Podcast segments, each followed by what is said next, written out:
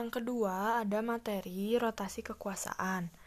Pada masa ini, yaitu periode 1945 sampai 1949 atau sering juga disebut dengan masa revolusi kemerdekaan, mengindikasikan keinginan kuat dari para pemimpin negara untuk membentuk pemerintahan yang demokratis. Namun, karena Indonesia harus berjuang untuk mempertahankan kemerdekaan, maka belum bisa sepenuhnya mewujudkan pemerintahan demokratis tersebut sesuai dengan Undang-Undang Dasar 1945.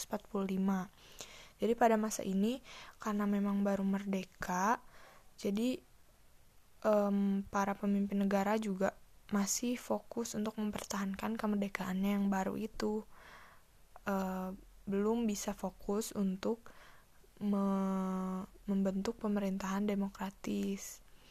Bahkan demi kepentingan NKRI terjadi penyimpangan terhadap Undang-Undang Dasar 1945.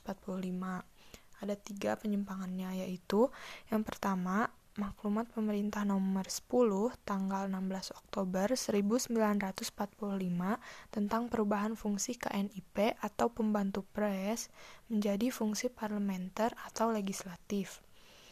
Terus penimpang, penyimpangan yang kedua yaitu Maklumat Pemerintah tanggal 3 November 1945 mengenai pembentukan partai politik. Sebelumnya Indonesia saat itu hanya ada satu partai yaitu PNI.